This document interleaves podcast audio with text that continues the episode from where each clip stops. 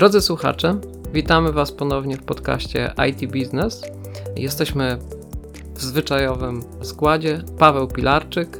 Tak, jestem, jestem tutaj. Dzień dobry. Paweł Pilarczyk z serwisu IT Business. To jestem ja, a oczywiście moim partnerem do rozmowy jest Ernest Frankowski, który się tak pięknie przywitał ze wszystkimi, czyli szef IT9 i nowy wymiar prawa. Tak się teraz przedstawiliśmy wzajemnie. Dokładnie tak. No jakieś zmiany muszą być wprowadzamy zmiany, tak żeby było różnorodnie w naszym podcaście, żeby nie było monotonnie. No, żeby dobrze zacząć. Słuchaj, mamy taki, e, myślę, temat dobrze pasujący do miesiąca, w którym jesteśmy, a już jesteśmy w maju. Mianowicie jest zapowiadana, zapowiedziana taka nazwijmy to mapa drogowa wychodzenia z takich najbardziej uciążliwych obostrzeń związanych z sytuacją, e, no wiadomo jaką. E, żeby już nie używać e, no, dosyć już e, słów, które nas męczą i określeń. Więc jest jakiś plan wychodzenia, wychodzenia z tych największych obostrzeń, przynajmniej na te miesiące ciepłe. Wraca normalność, albo mała normalność, albo normalność po nowemu. I w tym kontekście, no, tak jak wspólnie rozmawialiśmy przed podcastem, to jest dobry moment, dobry pretekst, żeby się zastanowić, co to będzie oznaczało dla tego, dla tego zjawiska, które, mm, które było symptomatyczne dla pierwszej e, fali lockdownu i epidemii czy pandemii, a mianowicie pracy zdalnej. Duże się wtedy na początku, powiedzmy, pi razy drzwi, e, rok temu mówiło, co to znaczy jak sobie z tym poradzić, jak to zmieni rynek pracy, co to znaczy w ogóle dla branży IT, bo nas to szczególnie interesuje. No teraz mamy sytuację nową, w Polsce wychodzimy z tych obostrzeń, w wielu krajach w ogóle trwale następuje wychodzenie. No i oczywiście jest e, kwestia, e, kwestia akcji e, wyszczepiania społeczeństw, no co powoduje, że jest pewna nadzieja, że będziemy wracać do tej normalności, więc możemy się wspólnie zastanowić, jak to będzie z tą pracą zdalną, E, właśnie w tym nowym, starym rozdaniu. Okres początkowy pandemii wiązał się z zamknięciem nas w domach i zmuszeniem e, pracowników, tych, którzy mieli taką możliwość oczywiście pracy zdalnej, do tego, żeby pracowali z domów.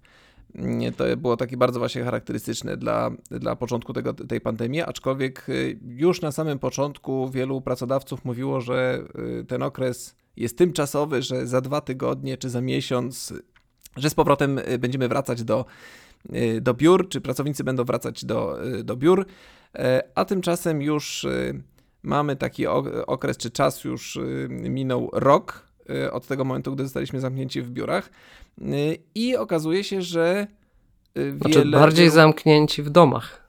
W domach, tak, tak, przepraszam, w, w domach jesteśmy zamknięci. Oj, chyba chcesz powrócić do tych biur. No, a na szczęście akurat nie tęsknię w ogóle za, za, za biurem. E, natomiast y, rozmawiałem z wieloma różnymi osobami, z moimi znajomymi, e, też y, czytałem różne posty, zwłaszcza na LinkedInie, bo regularnie tego typu ankiety się pojawiają na LinkedInie. Co sądzicie, drodzy, e, droga moja, moja siatka społecznościowa, jak chcielibyście pracować w przyszłości, gdy już się wszyscy zaszczepimy, gdy już y, będziemy, gdy już wrócimy do, do, do, normalności i czy chcielibyście wrócić do swojego biura, czy chcielibyście nadal pracować w domu, czy chcielibyście pracować w trybie y, hybrydowym. Y, ja akurat jestem w tej, jak się okazuje, dużej mniejszości osób, które chciałyby nadal pracować w domu. Ja od zawsze pracowałem w domu, od, od dwudziestu kilku lat pracuję w domu. Miałem krótki epizod, gdy pracowałem w e, korporacji na Domaniewskiej. To, to były e, prawie trzy lata, gdy tam rzeczywiście codziennie jeździłem i nie chciałbym z powrotem powrócić do, e, do tego typu pracy. Ale Czyli jeździłeś takie... do tego, przepraszam, tak, ale do tego sławionego Mordoru, bo to jest ważna rzecz, bo być może to doświadczenie dojazdów akurat tam, gdzie wszyscy w tym samym czasie tam przyjeżdżają, później z tamtego miejsca wyjeżdżają, no być może też rzutuje na twoje postrzeganie, tak, moje postrzeganie pracy tak. poza, poza domem, czy poza no, takim miejscem, powiedzmy, stałego pobytu. Tak, bardzo możliwe, że, że, ja, że ja jestem akurat zrażony do, do takiej bardzo y, ekstremalnej sytuacji, do, takiego, do takiej pracy w biurze, czy do, y, jakby dojazd jest już tym pierwszym problemem, który był dla mnie, y, chociażby z tego tytułu, że nie mieszkam w samym mieście, a pod miastem, czyli mam do, do biura 16 km akurat musiałem przejechać i akurat jechałem najbardziej zakorkowanymi arteriami Warszawy, jakie są w godzinach szczytu, czyli najpierw w godzinie szczytu jechałem z, od Piaseczna w kierunku Mokotowa ulicą Puławską, wtedy kiedy Y, cała tutaj południowa część Warszawy jechała w korku, y, a i, i, potem jeszcze przedzielałem się przez y, Domaniewską, Wołoską czy ulicę Postępu, więc akurat te najbardziej zakorkowane ulice Mordoru. I tak samo jak wracałem, to wyjeżdżałem z Domaniewskiej, ze skrzyżowania Domaniewskiej i Suwak i bywały takie dni, że wychodziłem o godzinie 17 z biura i pierwszy kilometr Y, przejeżdżałem w czasie 45 minut. Czyli po prostu stałem, stałem w samochodzie przez 45 minut na tym pierwszym kilometrze, a i pozostałe 15 y, kilometrów również jechałem w bardzo powolnym tempie. To były kolejne to pomyśl, ile, ile rozmów można w tym czasie odbyć i ile podcastów posłuchać, ale mm, tak, że, że no bo, tak. zakładając, że słuchają nas y, nie tylko osoby z Warszawy, to tylko po prostu skrótowo powiem, że to te wszystkie nazwy, które Paweł mówi, i to, co opowiada, to po prostu jest e, taki standardowy kawałek e, z koszmaru e, kierowcy w Warszawie i ja tą trasę Pawła między tym miejscem pracy a domem potrafię sobie wyobrazić, bo wiem, znam obydwa te punkty na mapie, no to drodzy słuchacze, uwierzcie na słowo, no to nie było to nie było ciekawe doświadczenie, ale też myślę, że takie skrajne i trochę niereprezentatywne. Tak, to, to, to, był, to był rzeczywiście taki ekstremalny przypadek, ale już nawet abstrahując od samego y, dojazdu, to, to jednak y, praca dla mnie, zwłaszcza w open space, ja na szczęście akurat nie musiałem pracować w open space, miałem, miałem współdzielony z kolegą gabinet, siedzieliśmy tylko we dwóch w pokoju, ale za to widziałem kolegów, którzy pracują w open space ja im po prostu współczułem tego, że oni muszą siedzieć w tym ogromnym pomieszczeniu, w kilkadziesiąt osób, w takich, y, no akurat tam nie, nie mieli takich kubików, tylko mieli y, biurka y, obok siebie, czyli, czyli nie byli jakoś tam bardzo tymi jakimiś ściankami działowymi podzieleni od siebie, ale, ale tam na przykład no, nie dało się na przykład porozmawiać przez telefon, czyli jeśli ktoś chciał załatwić jakąś sprawę, to gdy odebrał telefon, no to przeszkadzał oczywiście wszystkim naokoło. Więc żeby porozmawiać, musiał wyjść na korytarz y, i też go oczywiście było słychać. Więc żeby rzeczywiście nie przeszkadzać nikomu, trzeba było wyjść na, na zewnątrz budynku, y, i co oczywiście w, zimie było bardzo y, kłopotliwe. No w, lacie, w lecie akurat nie było problemu. Ja na przykład jak chciałem porozmawiać przez telefon, nie chciałem nikomu prze, przeszkadzać, to po prostu wychodziłem na zewnątrz budynku i przed budynkiem rozmawiałem, ale przy każdym telefonie oznaczało to, że musiałem odejść od komputera, wyjść na zewnątrz. Więc no wiele było takich, takich elementów pracy w tym biurze, właśnie związanych z, tak, z taką pracą w tym open space, które mnie po prostu y, przeszkadzały. Y, no ja dobrze, do, do... ale open, mhm. open space jest też nie wszędzie. E, wiesz, to co opowiadasz, to też trochę mm, brzmi tak, jakby to biuro nie do końca, w sensie jako pewna przestrzeń, nie do końca było dobrze zorganizowane, no ale też tak, że tak powiem, idealnie, czy prawie idealnie, czy blisko ideału zorganizowane przestrzenie biurowe, no to też, to też jest jakiś wyjątek od reguły, no bo no też niewiele firm e, ma wyobraźnię albo też fundusze, żeby w takie rzeczy w cudzysłowie się bawić.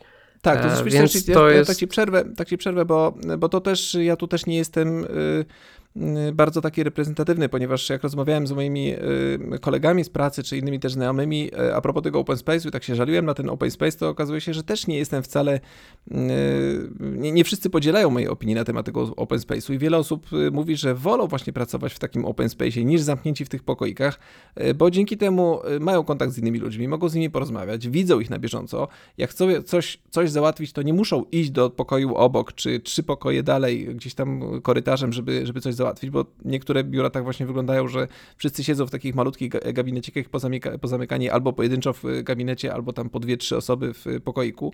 I gdy trzeba przejść do kolegi z innego działu, to, e, to trzeba rzeczywiście wyjść na, na korytarz i gdzieś tam się przemaszerować, a w open space mamy wszystkich pod ręką, więc niektórzy te open space'y e, chwalą. E, ale no mnie, mnie rzeczywiście te open space'y przeszkadzały. Problematyczne były dla mnie kole to, co dzisiaj dla nas jest zupełnie normalne, to że, to, że po prostu odpalamy sobie jakiegoś tam Zooma czy Teamsa i łączymy się w, kilku os w kilka osób, czy kilkanaście osób, czy kilkadziesiąt osób na, na takim kolu. Y, gdy pracowałem w, y, w biurze, to ja bardzo często na takie kole y, musiałem chodzić do sali konferencyjnej, gdzie zbieraliśmy się na przykład w 10 osób i łączyliśmy się z naszym oddziałem w innym mieście, gdzie też było 10 osób. Y, I, to oznaczało, że każdy kol przede wszystkim był też obrośnięty nie tylko samym tym czasem połączenia się na kola, ale tym, że, na tego kola trzeba było wyjść, dojść, czasem trzeba było pojechać do tej sali konferencyjnej na czwarte piętro. Ja pracowałem na parterze, y, więc trzeba było te, no bezpiecznie, tak z 10 minut, czy przynajmniej 5 minut wcześniej y, wyjść. Potem okazało się, że w tej sali konferencyjnej już trwał, y, czy, czy jeszcze się nie skończyło poprzednie spotkanie, więc musieliśmy czekać pod drzwiami na przykład 10 minut, aż się poprzednie spotkanie skończy.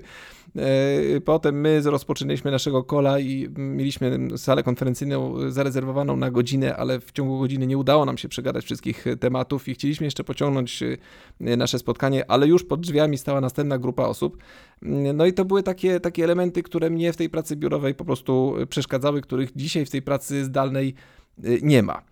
E, więc, no, ale, ale tak, tak jak ale... mówię, mówię za siebie, tak? Mówię za siebie. No, to no, są, to no, są właśnie, moje spostrzeżenia spróbujmy, spróbujmy z tego wyciągnąć jakąś, może nie średnią, ale jakieś takie, bym powiedział, wnioski generalizujące, bo jakby zastanówmy się nad zjawiskiem, tak, bo jakby doświadczenia indywidualne są e, istotne.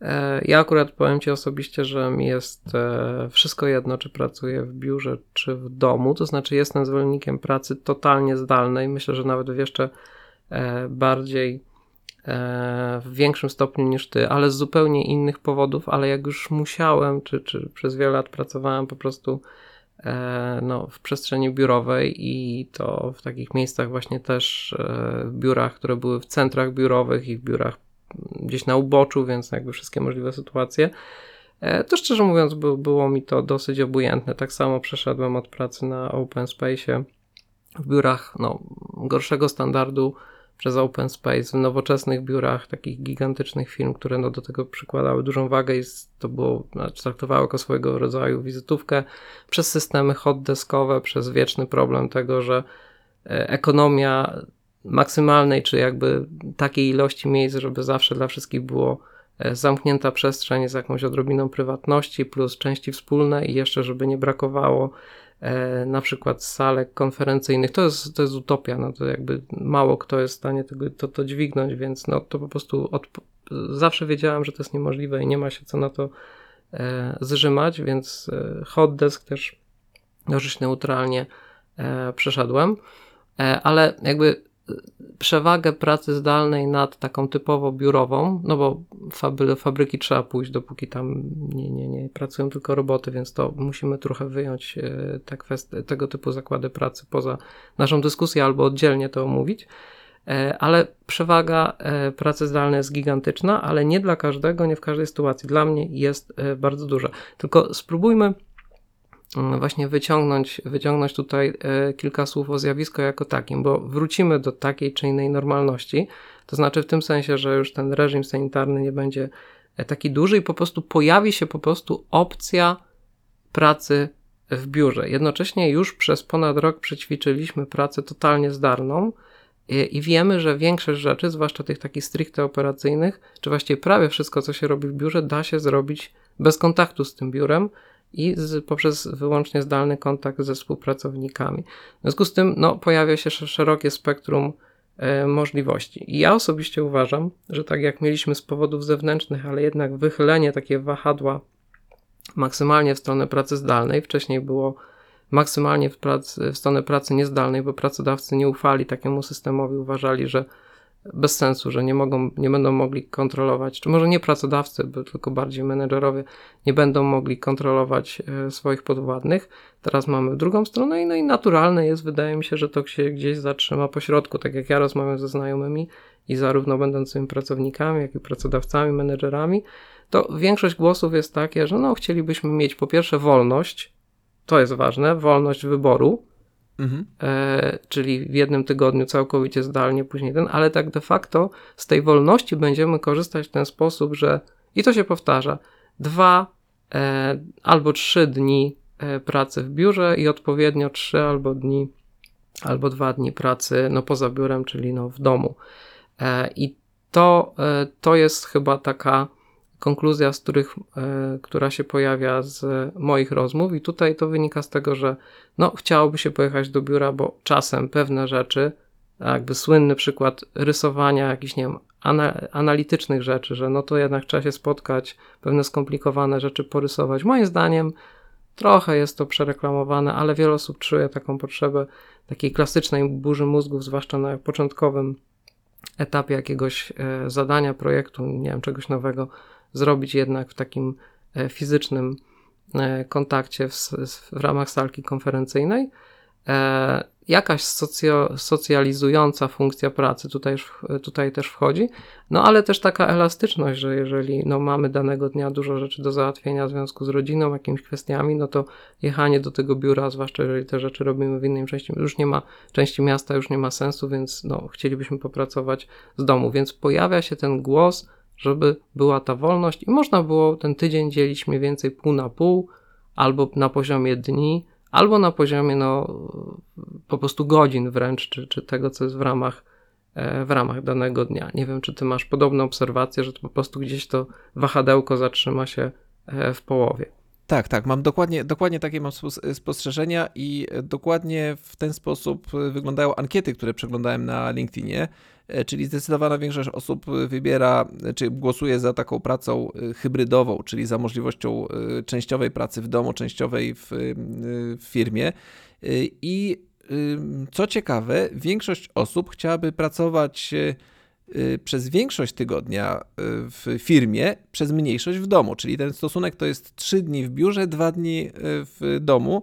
W przypadku większości osób głosujących w takich właśnie ankietach, które widziałem na, na LinkedInie, w których głosowało po kilkaset osób, więc te, te wyniki są dość miarodajne.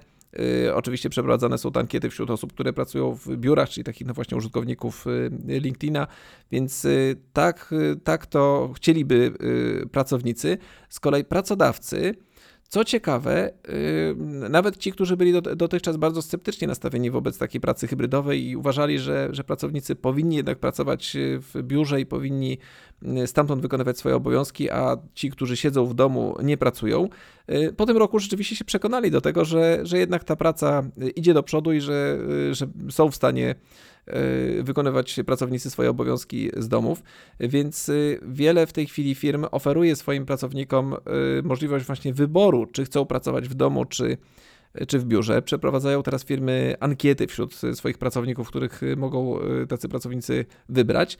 I większość, większość firm, nawet, nawet ukazało się badanie SAPA na ten temat, w którym wskazano, że to jest ponad 70% firm taką możliwość swoim, e, swoim pracownikom da. Czyli pracownicy będą mogli wybrać, czy pracują sobie z domu, czy, czy z biura. E, większość będzie rzeczywiście wybierała taką, taką pracę hybrydową, część tu, część tu. No i teraz pojawia się też kolejny problem, czyli problem biur, bo Wcześniej to było tak, że mieliśmy biura, w biurach mieliśmy określoną liczbę miejsc pracy, stanowisk. E, w większości przypadków mieliśmy e, swoje własne przypisane do siebie miejsca, takie hotdeski e, no, były raczej taką, taką mniejszością, taką mniejszością. No, wcale, wcale, nie, wcale nie mniejszością, wiesz co, znaczy mhm. mniejszością w takich wartości bezwzględnej, a wartościach bezwzględnych, ale generalnie jako pewien trend były bardzo popularne i e, w czasach, że tak powiem, tuż przed e, pandemią e, większość dużych firm, z którymi ja miałam do czynienia, już pracowała w takim trybie, że jednak miejsc takich, miejsc siedzących, no bo tutaj trudno mówić o przypisaniu w tym momencie do poszczególnych osób, to jest mniej mhm. więcej 70%, 70% E, osób, które no w danym biurze, że tak powiem, do danego biura są przypisane z powodów tam kadrowo-organizacyjnych i tak dalej. To wynika z prostej obserwacji tego, że są urlopy, e, że są e, wyjazdy, jest praca no poza biurem, nie wiem, niech będzie, że u klientów, jakieś podróże służbowe i tak naprawdę to obłożenie stuprocentowe nigdy, nigdy, ale to nigdy nie jest i po prostu jest skrajnie E, nie, nieekonomiczne, no jest to po prostu mm, tracenie, mm, tracenie pieniędzy. E, jeśli chodzi o powierzchnię biurową, kiedy wypożyczamy jej wartości takiej stuprocentowej, poza tym tak naprawdę w tym momencie pozbawiamy się w sposób automatyczny takiej rezerwy na nagły Mm, znaczy pewnej, pewnej rezerwy na jakiś wzrost zatrudnienia, no bo jeżeli e, cała organizacja jest przyzwyczajona do tego 100%, no to dochodzi, nie wiem, na, na, na 1000 pracowników, nagle dochodzi 100, bo wygrano jakiś, nie wiem, wielki projekt. E, I nie mają gdzie siedzieć. No i jest wielki problem, który jest tylko mentalny i w głowie nie mają gdzie siedzieć, a to tak naprawdę być może tylko reorganizacja tego hotdesku. Druga rzecz, którą widziałem, obserwowałem, to jest to, e, że w ramach poszczególnych jednostek, departamentów czy tam biur e, danych, danych firm, instytucji, analizowano, jak wygląda praca, e, ich praca i które są bardziej stacjonarne, a które bardziej, no właśnie, takie mobilne z różnych, e, z bardzo różnych względów, od kwestii, no przedstawiciele handlowi, prawda, głównie jeżdżą.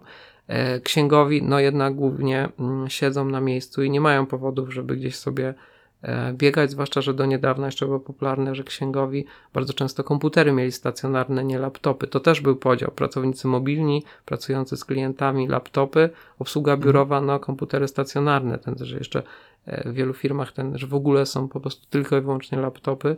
Jeśli chodzi o komputery osobiste, to się jeszcze, e, to, to się dopiero ta pandemia przyspieszyła tą tendencję. No i efekt był też taki, że takie hot deski, E, potrafiły na poziomie departamentów mobilnych być no 100% czy 90%.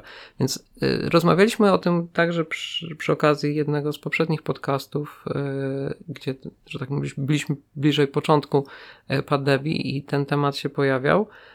Ja już wtedy Ci wspominałem, że moim zdaniem pandemia tylko przyspieszyła pewien trend, bo drastycznie go przyspieszyła, ale bynajmniej go moim zdaniem E, nie wykreowała, no tylko pokazała w takim, e, w takiej skrajnej postaci, ogólnie pozytywnej e, i wymusiła na wszystkich no, bardzo szybkie dostosowanie się do tego. No, w związku z tym teraz trudno wrócić do status quo ante, no bo to już jest po prostu niemożliwe. Tak jak zobaczyliśmy, że, że można pracować inaczej. I co więcej, ten trend idzie w kierunku potrzeb pracodawców czy menedżerów, bo obiektywnie pozwoli e, zaoszczędzić na przestrzeni biurowej jeszcze bardziej. bardziej. Ja zwrócę jeszcze tylko uwagę na to, że warto nie, nie dać się wciągnąć taką pułapkę myślową, że to, że pracodawcy oferują e, taką dowolność w pracy, e, praca zdalna, praca biurowa, to później może tak sobie być wolontarystycznie od, e, w zależności od potrzeb danego pracownika. No gdyby to tak było, to później tej pracy nie da się, mm, nie da się zorganizować, jak wszyscy będą tak po prostu e, pracowali. Choćby administracja takiego helpdesku. Wyobraź sobie taką rzecz. No jeżeli jest tak, że tych miejsc biurowych jest e, dużo mniej i już w tym momencie nie mogą być żadne przypisane, tak? Bo jeżeli to tak ma działać, no to w zasadzie przychodzisz do biura, logujesz się, szukasz sobie wolnego miejsca i no, nie ma prawa być nic przypisanego, no bo, bo, bo ten system się rozsypie, jak będą, będzie ten podział. No oczywiście e, główny management musi mieć zawsze jakieś, e, także z powodów prestiżowych, jakieś miejsce, ale i nawet od tego właśnie nie musi. Odchodzi się, bo management chce też pokazywać, że jest tylko albo aż primus inter pares i siedzi łącznie ze swoimi pracownikami i też korzysta z tego helpdesku. Ja na przykład zawsze tak postępowałem, że trochę ostentacyjnie wręcz rezygnowałem z przypisanych mi miejsc i starałem się siada, siadać na open space, e, gabinet przekazywać na potrzeby właśnie zespołu, że jest taką naszą wewnętrzną salką konferencyjną, bo ich zawsze było za mało. Więc e, ten taki, mm, e, to takie podejście egalistyczne tutaj się, tutaj się jakby też, też utrwalało. Ale wracając do tego zarządzania właśnie takim hotdeskiem i, e, i, i właśnie tym, że nie mamy przypisanych miejsc, no to trzeba pamiętać e, o jednym, że na przykład to też oznacza, że takie biurko, jak się je opuszcza, musi być czyste i wchodzi to, co się dumnie nazywa clean desk policy, co z kolei oznacza, że no, co do zasady trzeba to wszystko gdzieś zabrać, E, to też wpływa na taki trend ekologiczny związany z papierem. No jego w tym momencie już w ogóle trzeba minimalizować, bo gdzie to później upychać e, codziennie po południu. Ale mhm. to oznacza, że w firmach pojawiają się wzdłuż ścian takie szafki, szafki jak w, nie wiem, w szkołach pokazywanych w zachodnich firmach, firmach i filmach i tam na przykład jakieś segregatory, czy nie wiem, czy komputer, którego nie chcemy zabrać laptop do, do domu, czy jakieś, nie wiem, podstawowe przybory, których biurowe, których jeszcze być może ktoś używa, tam sobie chowamy i musimy mieć do siebie przypisaną szafkę, żeby to Clean Disk, Desk Policy e, jakoś, e, jakoś przestrzegać, a jednocześnie całego warsztatu pracy w plecakach i, i teczkach ze sobą mm, nie ciągnąć, więc to też nie jest tak, że to, to, to ten, ten, ten hot desk jest taki, mm, bym powiedział, neutralny z punktu widzenia e, organizacji przestrzeni e, biurowej. Ale jeszcze jedna ciekawa rzecz. E, są takie nieoczywiste zalety pracy zdalnej. Ja na przykład, jak zatrudniam, a, a często i dużo zatrudniam, to wygląda w ten sposób, że wręcz oczywiście staramy się mówić, że no, praca biurowa albo zdalna, ale tak naprawdę praca zdalna jest w zasadzie preferowaną przez nas opcją. Z czego to e, tak praktycznie wynika? E, obecny system e, pracy właśnie zdalnej umożliwia tak naprawdę zatrudnianie i współpracowanie z osobami na do, w dowolnym miejscu świata. Kiedyś przed pandemią było tak, że na przykład mocno było się ograniczonym w, zat, w, no w zatrudnianiu osób do miejsc, gdzie się miało stacjonarne biura, bo ludzie sobie nie wyobrażali, żeby pracować e, w firmie, do której mogą, e, nie mogą przyjść i ma biuro gdzieś tam relatywnie blisko nich i tam, no właśnie, można, e, można normalnie pracować. To byłoby no coś dziwnego, że to jest tak jakby tej firmy nie było, a ponieważ teraz jest pra, jakby w naturze, z natury praca zdalna jest czymś normalnym, to de facto ci wszyscy ludzie, w moim przypadku programiści, wszelkiego rodzaju eksperci IT, analitycy, e, ponieważ dla nich biurami są ich mieszkania czy tam jakieś przestrzenie coworkingowe, e, to tak naprawdę można zatrudnić e, w danym momencie wedle potrzeb, wedle budżetu rekrutacyjnego osobę z Lwowa, z Białego Stoku, z, nie wiem, z, z Londynu, Singapuru e, czy, e, czy Meksyku, tak? Tutaj e, i odpada nam konieczność zastanawiania się, czy ja mam dla tej osoby biuro i e, co ta osoba, osoba sobie pomyśli, jeżeli ja w jej mieście tego biura, czy my nie będziemy jeszcze mieli. Co więcej, to z kolei zbudowało trend do e, pracy na własnych urządzeniach, przez realizowanych przez, przez właśnie pracowników czy współpracowników, oczywiście przy założeniu, że akceptują oni zabezpieczenia nakładane na swój sprzęt, więc też wiele lat temu rozmawialiśmy często o tej idei, żeby przynosić własne urządzenia, które potrafią być lepsze niż standard korporacyjny do pracy. I o tym też mało kto mówi, ale de facto pandemia ten trend e, bardzo mocno, nawet już go nie zauważamy, wprowadziła do takiego mainstreamu e, pracowego. Mhm, tak, rzeczywiście teraz y, komputery się przez y, okres pandemii sprzedawały jak ciepłe bułeczki. Były takie okresy, że nawet brakowało tych komputerów, zwłaszcza na początku, bo kupowaliśmy komputery nie tylko dla siebie, żeby mieć komputer y, własny do pracy, ale również dla naszych dzieci, więc wszyscy wymiatali półki sklepowe z komputerów.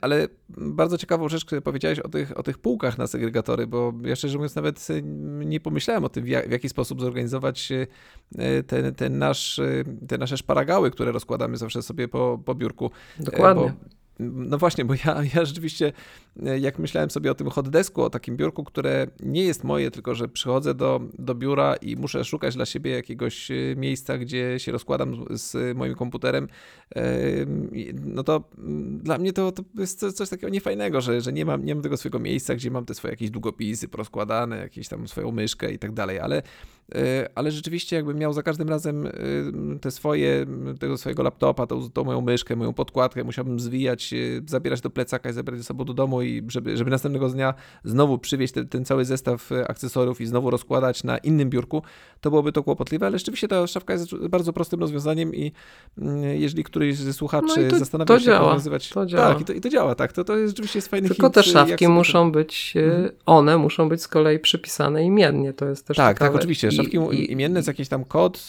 czy z kluczykiem, każdy ma kluczyk i to już każdy ma swoją własną szafeczkę. I to są dopiero historię, jak ktoś to zgubi albo schowa tam coś pilnego na rano, to już takich historii też wiele przeżyłem e, mhm. i obserwowałem.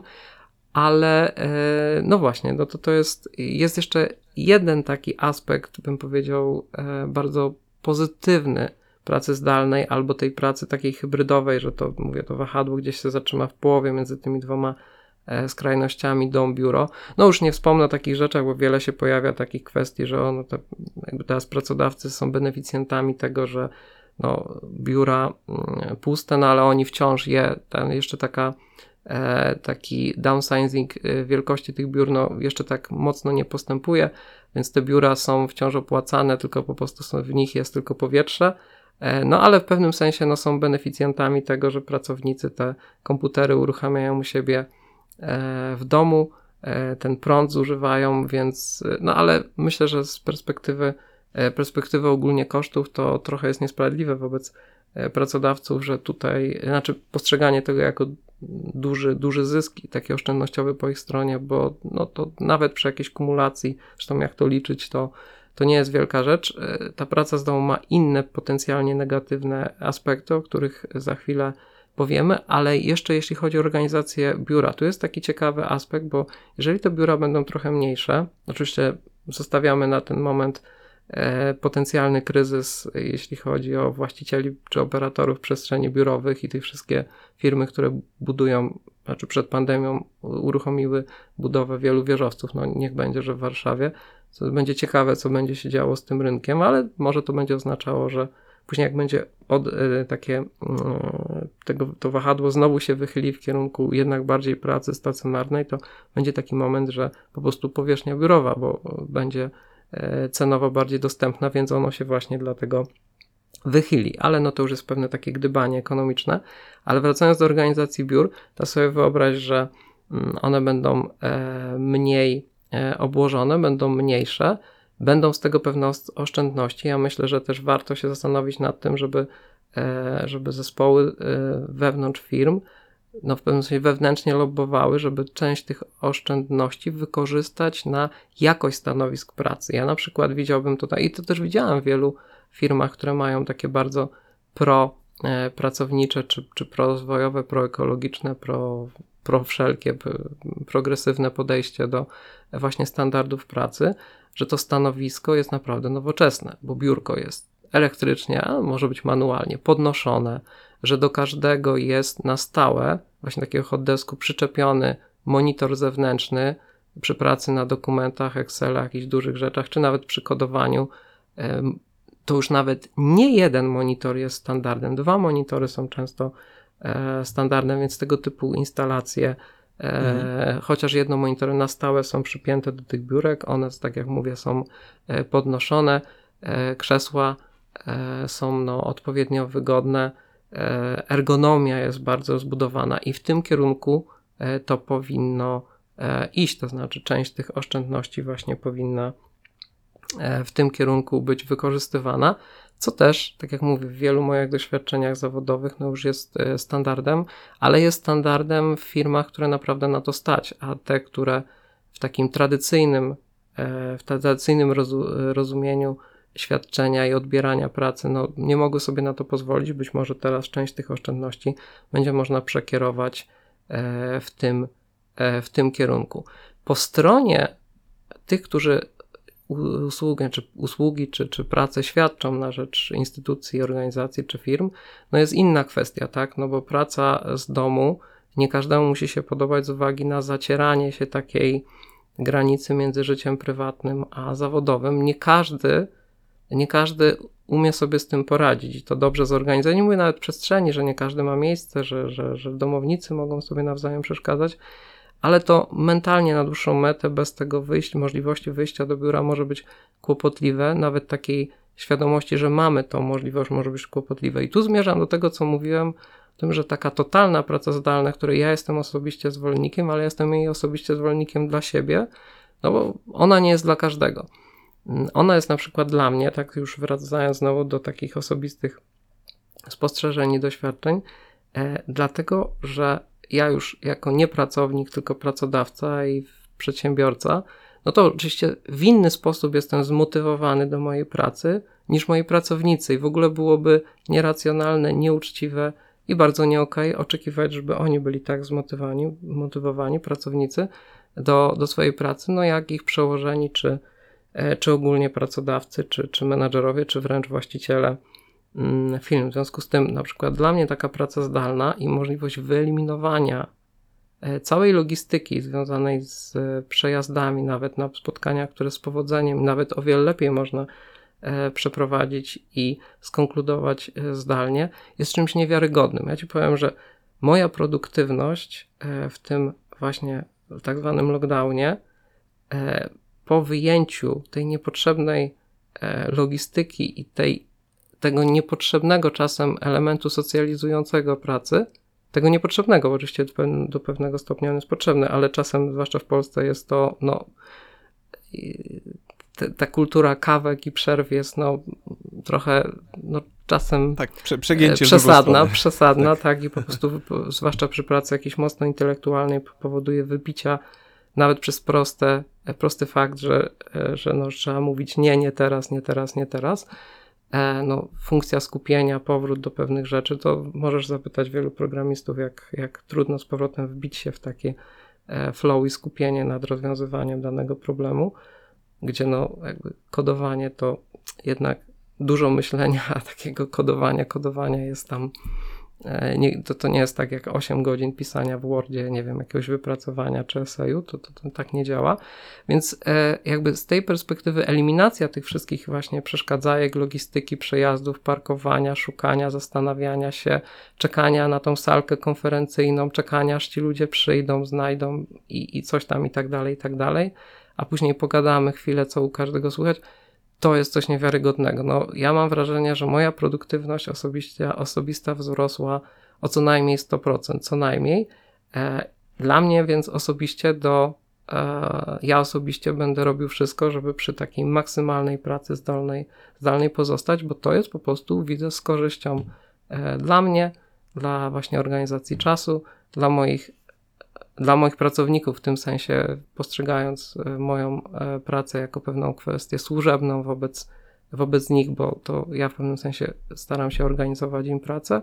No i oczywiście na otoczenie, które z tej pracy e, korzysta, więc tylko tak jak wspominałem, no to nie jest dla każdego. Z punktu widzenia po prostu pracownika, to może być no nisko, może mogę sobie wyobrazić, że praca całkowicie zdalna może może być postrzegana jako takie o niskiej zawartości pewnej higieny psychicznej. Myślę, że to jest kwestia pójścia na pewien kompromis między y, pracownikiem i pracodawcą, czyli mm, są tacy pracodawcy, którzy y, chcieliby, żeby ich pracownicy pracowali zdalnie, są tacy, którzy chcieliby, żeby pracowali na miejscu. Tak samo wielu y, pracowników woli pracować z domu tak jak ja, ale też zauważam y, pewne wady tego rozwiązania ze względu na to, że ja mam y, trójkę dzieci i te dzieci też teraz są na etapie y, nauki zdalnej. No, mm, wkrótce wrócą już do szkół, mają wrócić już wszyscy, cała trójka ma wrócić już pod koniec maja z powrotem do szkoły, ale na razie póki y, uczą się zdalnie, to mam takie sytuacje, że też te dzieci do mnie wpadają do, do mojego pokoju i mi y, przeszkadzają w pracy, a ja jako dziennikarz często piszę artykuły i też takie wybicie mnie z tego flow podczas pisania artykułu powoduje, że ja potem wracam z powrotem do tego flow, czy, czy ten powrót zajmuje mi kolejne, nie wiem, 20-30 minut, zanim z powrotem się jestem w stanie skupić i kontynuować pracę,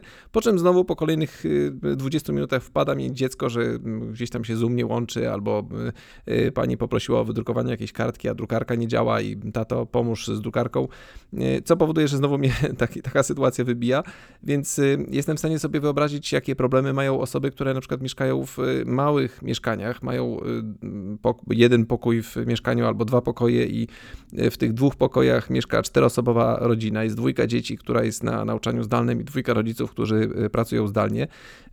Takie osoby rzeczywiście nawet mimo, że komfort psychiczny takiej pracy z domu może być dla nich bardzo cenny i ta, ten brak konieczności dojazdu do pracy też może być fajną rzeczą, ale z drugiej strony te, te warunki lokalowe mogą powodować, że mimo wszystko jednak ta, ta wydajność takiej pracy spada w przypadku takich y, pracowników i oni być może też ze względu na to, że nie są w stanie wykonać wszystkich zadań z domu, też woleliby y, przyjeżdżać do pracy. Więc, y, Albo przynajmniej mieć taką możliwość, kiedy no to ta praca zdalna jest szczególnie uciążliwa i niemożliwa. Ale czy to oznacza, że gdybyś nie pracował w takim miejscu, jak właśnie ten osławiany E, Mordor, gdzie wszyscy no, tam docierają mniej więcej w tym samym momencie i stamtąd próbują się wydostać w samym momencie, więc no, jest to jest, jest, jest kataklizm na drodze w obydwie strony. W różnych porach e, dnia to byś był właśnie zwolennikiem jednak e, ty osobiście, tak? E, także pracy w biurze, czy czegoś pośrodku? Ja osobiście y, mimo wszystko wolałbym pracować z domu. Ja, ja lubię siedzieć w domu, jestem trochę takim domatorem. Bo jak e, mówiłeś Co... o tych dzieciach, jeszcze sobie wyobrażam, jak tam, nie wiem, karmelek wpada, że sobie pozwolę na tak. taki prywatny w trend, no karmelek, to, to zabrzmiało. Tudzież, tudzież kot który też drapie w drzwi, jak się zamykam w pokoju, czasem próbuję pracować i kot drapie w drzwi, żeby go wpuścić, ja go wpuszczam, on przyjdzie, pomiałczy, pomiałczy, wychodzi, albo co gorsza, przychodzi do mnie i, e, i zaczyna mi gdzieś skakać po półkach, przewraca mi jakieś, e, jakieś tutaj Wiesz, z tego można zrobić atut w czasie, w czasie telekonferencji. Ja ostatnio miałem okazję widzieć jakiś program publicystyczny, gdzie jedna z osób, które tam występowały, nawet nie pamiętam, ale jakaś pani, która występowała, no po prostu e, to było urocze, bo ona się wypowiadała na jakieś poważne tematy, a gdzieś tam, e, gdzieś tam po ramieniu skakała jej duża, chyba zielona jakaś papuga, później jakiś mały piesek z tą papugą. No generalnie e, z tego, co się później zorientowałem, to, mm, to, to chyba jest jakaś znana dziennikarka, ale tak, nawet, nawet on... o niej dzisiaj z żoną rozmawiałem, dokładnie o tej pani z tak, ale, ale, ale zabawne jest to, że ona zaczęła się pojawiać w telewizjach chyba takich właśnie lifestyle'owych, czy tam tak, programach tak, zapraszają e, panią, A, ale właśnie z, nie z perspektywy jej ekspertyzy na jakiś tam temat, nie wiem, ekonomiczny, czy, czy, czy polityczny, czy, czy nawet nie pamiętam właśnie jaki to był. Właśnie, to jest symptomatyczne, że nie pamiętam o czym ona mówiła i co komentowała na temat się opowiada, tylko właśnie w kontekście tych zwierzaków, które tam harcują, no i to robiło taki um, uroczy obrazek, więc no, okazuje się, że taka przypadkowa rzecz może, no, że tak powiem, też wpłynąć w pewnym sensie na życie zawodowe. No, dla takiej osoby rozpoznawalność jest miarą sukcesu zawodowego, więc no, jeżeli nie ekspertyzą, to można się wspomóc niechcący oczywiście tutaj i to po prostu było naprawdę urocze e, takimi e, domowymi e, ulubieńcami. Ale jakby konkludując, bo ty, Paweł, myślę, że podobnie jak ja, bo jakby obydwoje jesteśmy przedsiębiorcami, pracujemy na własny, można powiedzieć, rachunek, więc dla nas ta swoboda i sam fakt, że jesteśmy sobie e, kapitanami tam i tak dalej, i tak dalej, e, no to ta praca zdalna to jest wolność, e, to, są, to są pewne możliwości, to jest pewien komfort. E, my też chyba jesteśmy na tym etapie, że taki element e, tego, że się miało 20 lat i było fajnie pracować na open space i spotkać się z znajomymi, bo to prawie jak na studiach i, i z nimi na kawę, a niektórzy może chodzili na papierosa, już niezależnie od winy, e, przepraszam, od, e, od zimy. Ja pamiętam takich kolegów, dziwne temperatury, niskie, a mm, właśnie e, na papierosa, na dymek trzeba było wyjść. Podwójnie nieciekawe zdrowotnie, ale Mhm. ale bardzo socjalizujące właśnie taki e, społeczny, so, e, socjalny wymiar e, pracy. Więc no, my może fanami tego nie jesteśmy, ale zgadzamy się z tym, że no, dla bardzo wielu osób ta chociaż możliwość, żeby powrócić do biura i oderwać się od tej sytuacji domowej tam w innego rodzaju spokoju popracować, no, ma duże znaczenie. Więc tu myślę, możemy się zgodzić, a ja mam jeszcze takie poważne pytanie. Czy ty, jako obserwator, obserwator no, życia, powiedzmy, takiego związanego z branżą IT, gdzie, gdzie mm, w branży IT ta praca zdalna no to była wyraźnie skrajna, skrajnie reprezentowana, plus to branża IT dostarczyła narzędzi i hardware'owych, i software'owych, infrastrukturalnych, żeby w ogóle coś takiego było możliwe. Czy uważasz, że ten rodzaj pracy, czyli praca zdalna albo hybrydowa, wymaga na przykład do, dodatkowego czy oddzielnego uregulowania w przepisach prawa? Bo myślę, że na koniec naszej rozmowy o pracy zdalnej i nowej normalności, nowej, starej, nowej, nowej, chyba jeszcze to musimy e, krótko omówić. Mm, jeśli chodzi o kwestie prawne, to wydaje mi się, że, mm, że większe, większego eksperta e, w takich tematach niż ty tutaj trudno będzie szukać w ogóle, bo to jest akurat twoja specjalizacja, więc ja tu jestem przy tobie mały. E, no ale nie, to jest ciekawe, żeby właśnie tak. jak, jak to. No, ja tu w ogóle nie mówię myśląc o sobie, tylko jestem ciekaw, mhm. jak e, po prostu konsument, znaczy konsument, czy, czy osoba, która po prostu użytkuje e, przepisy prawne, które regulują naszą rzeczywistość, czy, czy widzi, e, widzi potrzebę. O tym się dużo mówi, że tutaj e, ja już widziałem parę takich tekstów poważnych, że no, Polska jak zwykle tam spóźnia się z reakcjami na rzeczywistość i nie wykorzystuje, znaczy nie, no nie, nie, nie, nie, nie, nie odrobiła lekcji domowej. E, I tutaj właśnie jest ta, już ponad rok pracujemy w tym trybie pracy zdalnej, a nie ma regulacji, które by zapewniały jakieś cywilizowane ramy takiej pracy zdalnej. No i oczywiście tu padała litania mm, potrzeb, skargi, zażaleń, no, związanych z tym, że właśnie ludzie siedzą w domach, mm, pracują na tych komputerach w domach, ten prąd zjadają na rzecz nie siebie, tylko firmy. No i kilka tego typu ten. No oczywiście no, te argumenty są różne. No i ciekawi mnie, czy tak. ty uważasz, że to powinno, czy, czy, czy to powinna być nowa formuła świadczenia, czyli jakiś nowy, nowy podtyp e, kontraktu związanego ze świadczeniem pracy? Tak, myślę, myślę że, że tego typu przepisy powinny y, powstać prawne, bo mamy w tej chwili y, wiele różnych y, form współpracy z pracownikami. Mamy etat, mamy umowy cywilnoprawne. W przypadku etatu te, tego typu praca zdalna, z tego co wiem, w ogóle nie jest uregulowana prawnie. W przypadku umów cywilnoprawnych, umów zlecenia, umów o dzieło, no to już jest kwestia, jak sobie to zlecający i zleceniobiorca zdefiniują, ale tam na ogół to miejsce pracy nie jest w ogóle w żaden sposób definiowane, czyli, czyli y, zleceniobiorca wykonuje swoje zlecenie z dowolnego miejsca, które, które niekoniecznie musi być znane y, zleceniodawcy. Y, natomiast wydaje mi się, że, że w przypadku takich umów czy pracy na, na etacie, Y, tutaj, że to co wspomniałeś, pracownicy są w tej chwili na takiej straconej pozycji z tego względu, że właśnie płacą, płacą więcej za prąd, co ja na przykład po sobie widzę. Moje rachunki za prąd wyraźnie wzrosły z tego, z tego tytułu, że całą rodziną mamy włączone od rana do wieczora y, komputery i tego prądu jednak dużo więcej zużywamy. Y, mamy problem z internetem, więc ja bym tutaj w przypadku takiego pracodawcy, który oczekuje ode mnie potencjalnie tego, że ja będę pracował w domu, oczekiwałbym y, jakiegoś wsparcia y, albo w, postaci dorzucenia się do rachunków za, za prąd w jakiś sposób, albo wyposażenia mnie w jakiś y, komputer, który mi lepiej pozwala realizować taką pracę w, w domu.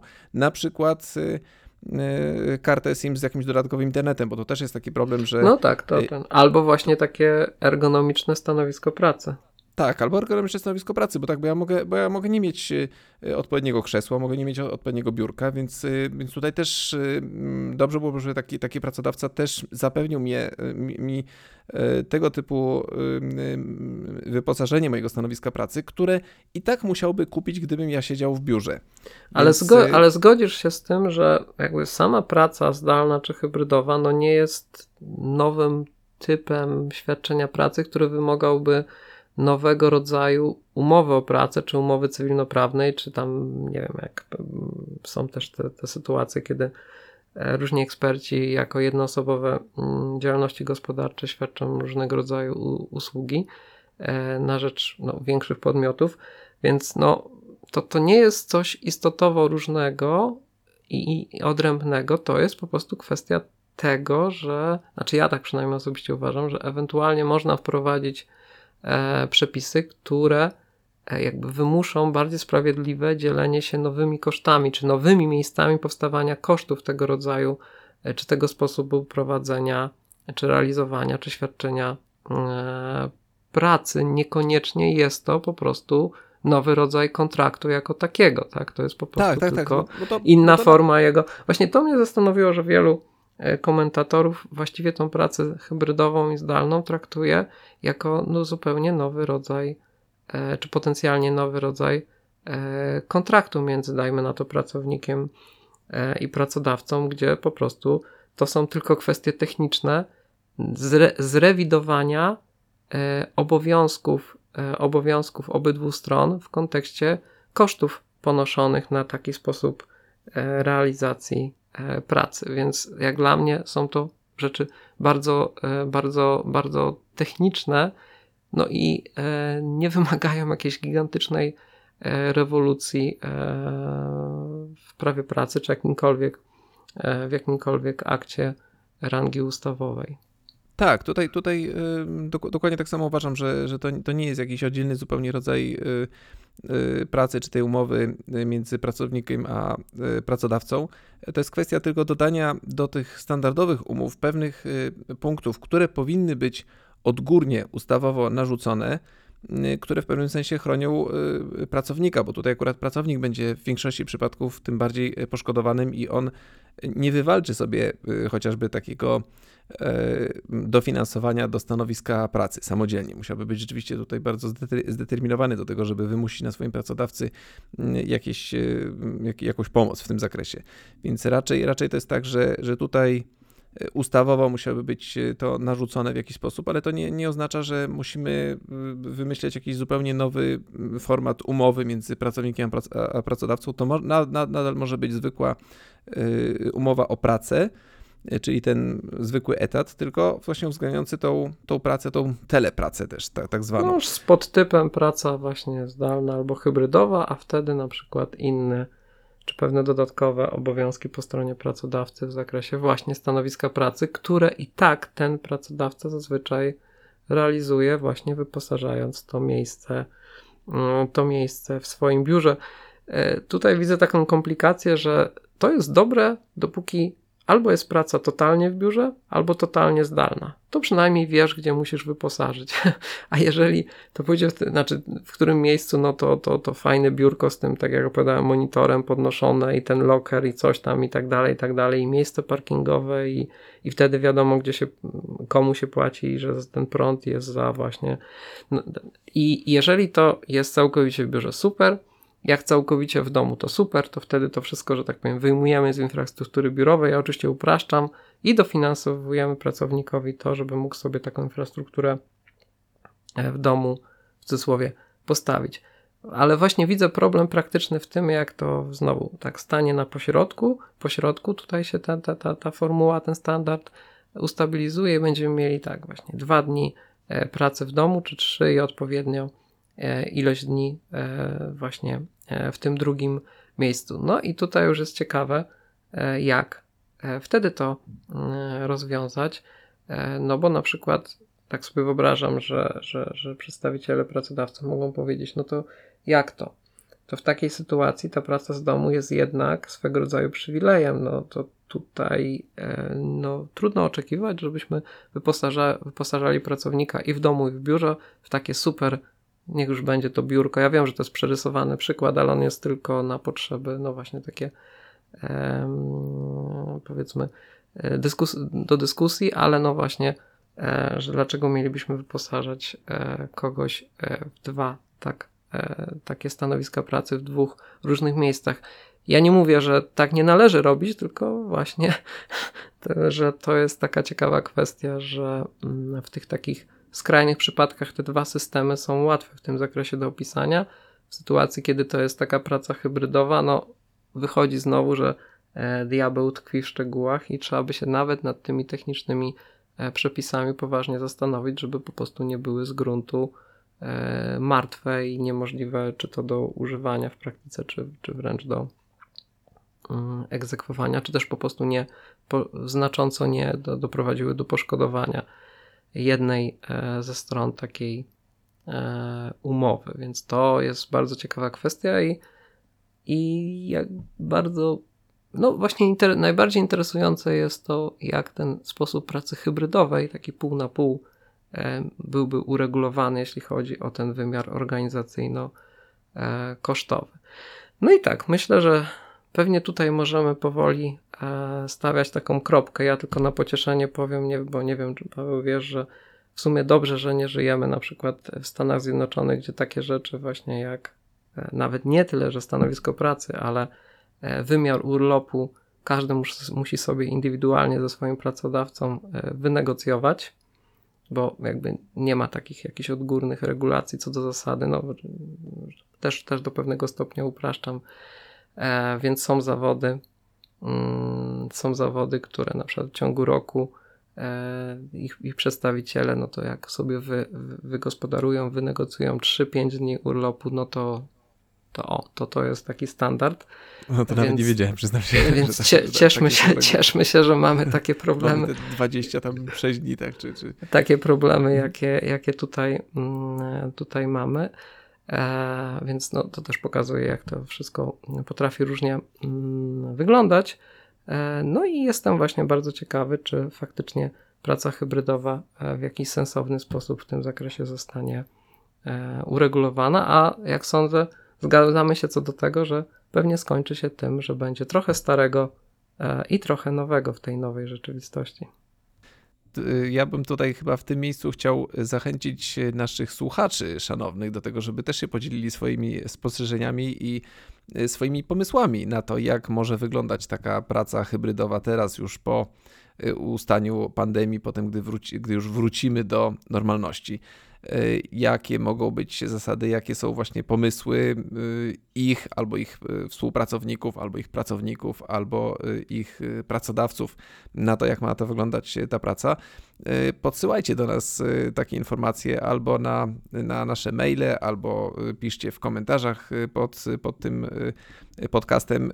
Postaramy się również do tych tematów powrócić w przyszłych odcinkach, zakładając, że jakieś pomysły nam podrzucicie i powiemy, co najciekawszego Y, tutaj wskazaliście. E, ale tymczasem już kończymy nasz podcast na dzisiaj. Bardzo Wam serdecznie dziękujemy, że nas słuchaliście. E, oczywiście standardowo zapraszamy do tego, żebyście subskrybowali podcast IT Business. Można go znaleźć na wszystkich platformach podcastowych, z których korzystacie, czy Google Podcast, czy Apple Podcast, czy Spotify. E, wszędzie jesteśmy. Więc jeżeli uważacie, że tematy, o których opowiadamy są interesujące, ciekawe, zasubskrybujcie prosimy nasz podcast i czekamy na Wasze uwagi i spostrzeżenia do naszego podcastu. Ernest, bardzo Ci dziękuję za tę rozmowę i do usłyszenia w kolejnym odcinku naszego podcastu. Również dziękuję, Paweł. Do usłyszenia. Dziękujemy.